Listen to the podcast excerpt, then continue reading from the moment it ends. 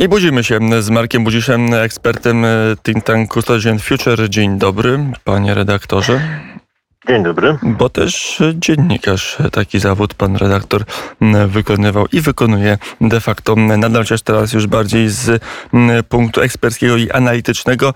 Właśnie analizą ostatnich wydarzeń się zajmijmy. Ostatni tydzień podobno bardzo istotny w polityce międzynarodowej, w relacjach Stany-Rosja, Rosja-NATO, dzisiaj OBWE. Co wynika z tego tygodnia? Bo wiele było lęków, że to może być powrót koncertu mocarstw, że to może być tydzień bardzo e, groźny dla poziomu bezpieczeństwa naszego regionu świata. Teraz wydaje się, że możemy odetchnąć z ulgą. Czy tak jest rzeczywiście? No, wydaje mi się, że jeszcze nie, dlatego że mm, dopiero mieliśmy mm, do czynienia z pierwszą rundą rozmów E, właściwie nie negocjacje, powiedzieli rosyjscy mm, przedstawiciele w Genewie. E, obie strony przedstawiły swoje stanowiska, dość twarde i, jednoznaczne. Tutaj wielkiego zbliżenia w tych kluczowych kwestiach nie było. Może w jakiejś mniejszej, mniejszej wagi.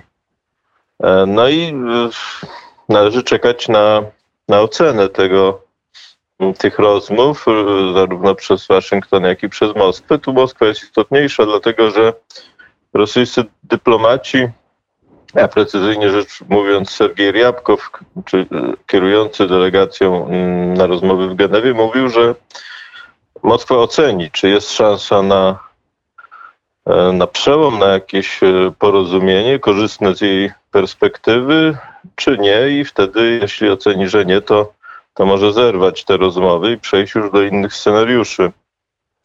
To oczywiście są pewnego rodzaju groźby i techniki negocjacyjne ze strony rosyjskiej. Są też pewne sygnały, że być może, mm, być może te rozmowy będą kontynuowane, no ale, ale trudno przesądzać, y, zwłaszcza, zwłaszcza teraz. E, ale z drugiej strony e, wielu ucieszyła ta twarda e, reakcja i Stanów i NATO, twarde powiedzenie nie, nie będziemy dyskutować o wszystkich istotnych elementach ultimatum Putina, nie zgodzimy się na zamknięcie NATO, nie zgodzimy się na uczynienie Polski i innych państw regionu i krajów bałtyckich, i Rumunii, i Węgier i tak dalej członkami drugiej kategorii, nie godzimy się na dyktat Putina, a jak się patrzyło na początek kadencji Joe Bidena, to można było mieć różne przewidywania co do wyniku tych spotkań. Można było się obawiać, że Stany wejdą w te negocjacje. Tak się nie stało. Nie, wydaje mi się, że te mm, obawy były, były przesadzone. Znaczy to, że NATO i Stany Zjednoczone nie przyjmą tych głównych punktów y, rosyjskiego ultimatum, bo tak trzeba określić tę, te propozycje traktatów o bezpieczeństwie, e, to było jasne już od samego początku.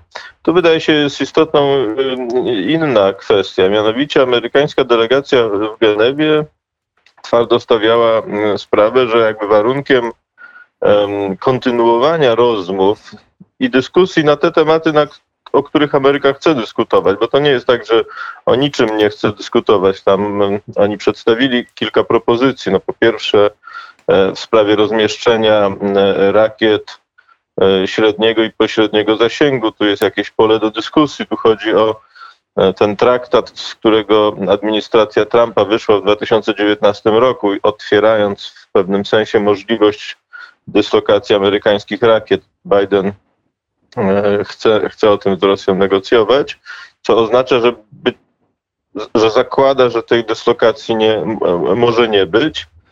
E, jest też kwestia wzajemnej komunikacji, intensywności ćwiczeń i, e, i jakby odsunięcia ich być może od, od granic. To są sprawy istotne, choć mniejszej wagi, ale tu kluczową, kluczowym warunkiem, żeby te rozmowy kontynuować, który postawiły Stany Zjednoczone, to jest deeskalacja mm, napięcia wokół Ukrainy, czyli, czyli zmniejszenie liczby wojska, czy wycofanie tego wojska mm, i Rosja na to nie chce iść, a nawet robi rzeczy mm, przeciwne. Wczoraj rozpoczęły się kolejne manewry, kolejne manewry przy granicy z Ukrainą. To oczywiście był taki sygnał na rozmowy NATO-Rosja, żeby pokazać, że Rosja jest stanowcza. No i napływają kolejne doniesienia o dyslokacji oddziałów ze wschodniego, najdal, najdalszego okręgu wojskowego jadą pociągi z wojskiem w stronę Ukrainy. Czyli nie ma deeskalacji, E, w związku z tym to jest, można powiedzieć, pewien sygnał nie, niepokojący. Być może to jest oczywiście pokaz siły ze strony Rosji. Amerykanie zdają się chyba myśleć, że Putin blefuje.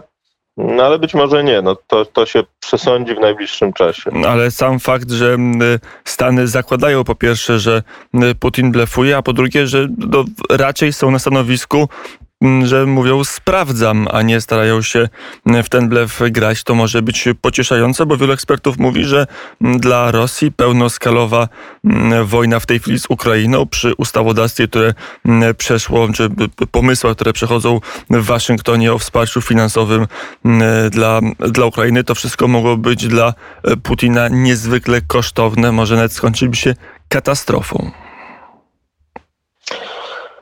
No, wydaje mi się, że to jest kwestia otwarta, dlatego że Rosja mm, ma dobre perspektywy, tak to trzeba powiedzieć, jeśli chodzi o sytuację finansową, co jest związane generalnie z cenami mm, surowców energetycznych. Rosyjski budżet na ten rok, który jest budżetem dysponującym nadwyżką, był budowany przy założeniu, że średnia w całym roku cena ropy naftowej będzie wynosiła 44,5 dolara za baryłkę, a analitycy e, zarówno zachodni, jak i rosyjscy uważają, że ta cena w tym roku będzie wynosiła gdzieś około, no wahała się w takim paśmie między 60, 60 a 80 dolarów za baryłkę. To pokazuje, że Rosja e, no, dostanie z rynku światowego olbrzymi zastrzyk gotówki to nie znaczy, że będzie zupełnie nie, niewrażliwa czy nieczuła na, na ewentualne sankcje, no ale to oznacza, że te sankcje mogą być dla niej e, mniej dolegliwe.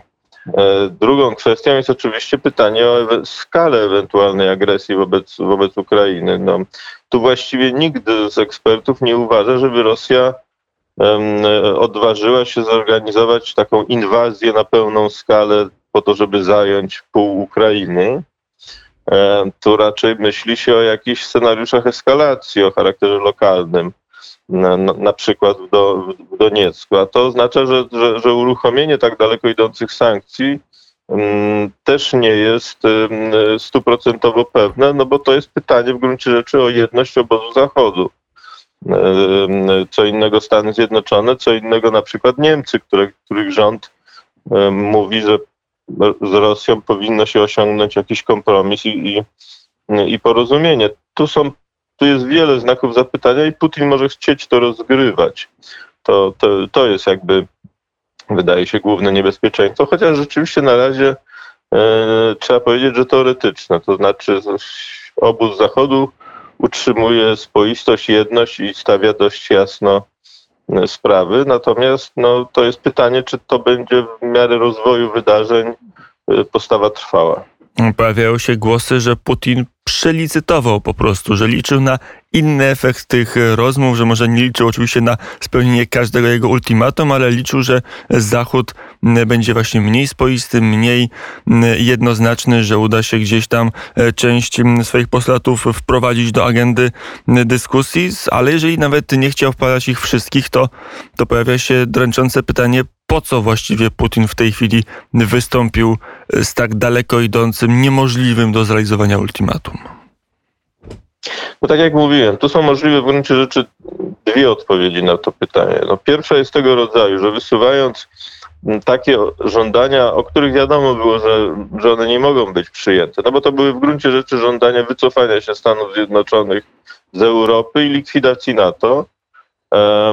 Putin jakby budował sobie pewne uzasadnienie, dlaczego porozumienie jest niemożliwe i dlaczego trzeba przejść do środków o charakterze militarnym. To jest jakby jedna linia interpretacji, a druga mówi mm, o tym i wskazuje też na słowa Siergieja Ryabkowa po, mm, po spotkaniu w Genewie, który powiedział, że oczekuje jasnego stanowiska od szczytu NATO w Madrycie, a on odbędzie się latem tego roku, w sierpniu, ile dobrze pamiętam, w, w kwestii nieprzyjęcia czy zamknięcia drogi dla państw przestrzeni postsowieckiej, czyli Gruzji, Ukrainy, też i być może Mołdawii, chociaż na razie tego tematu jeszcze nie ma, do NATO. Tego rodzaju deklaracja wskazywałaby, że Rosjanie nastawiają się na no, jakby długie i męczące negocjacje. Wydaje się, że gdyby ten scenariusz wchodził w grę, po to, żeby jakby zbadać e, w czasie tych negocjacji, na ile obóz Zachodu jest swoisty, bo mogą się zarysować jakieś pęknięcia, różnice stanowisk. W związku z tym, no to na, na, na oceny, że Putin przelicytował, wydaje mi się, jest jeszcze zbyt wcześnie. My dopiero jesteśmy na początku pewnej drogi. Ryabkow powiedział, że w ogóle nie było negocjacji. W Genewie strony przedstawiły swoje stanowiska rozbieżne, a negocjacji, negocjacje dopiero przed nami. W związku z tym to, mm, to jeszcze jest za wcześnie, moim zdaniem, żeby żeby dokonywać jakichś ocen. No to my będziemy czekać, obserwować i zobaczymy, co się mm, z tego wykluje i i ja będę miał nadzieję, że nasz region świata, nasz region Europy, wschodnia flanka NATO nie będzie tylko przedmiotem w tych rozmowach, ale że znajdzie w sobie siłę do podmiotowości. Marek Budzisz, ekspert think tanku Station Future, był gościem poranka w nety. Dziękuję bardzo za rozmowę. Dziękuję bardzo. Na zegarach zrobiła się już godzina 7.47. A skoro karnawał, bo to 13 stycznia, to teraz zagramy prawdziwie karnawałową, dyskotekową piosenkę Bonujemy.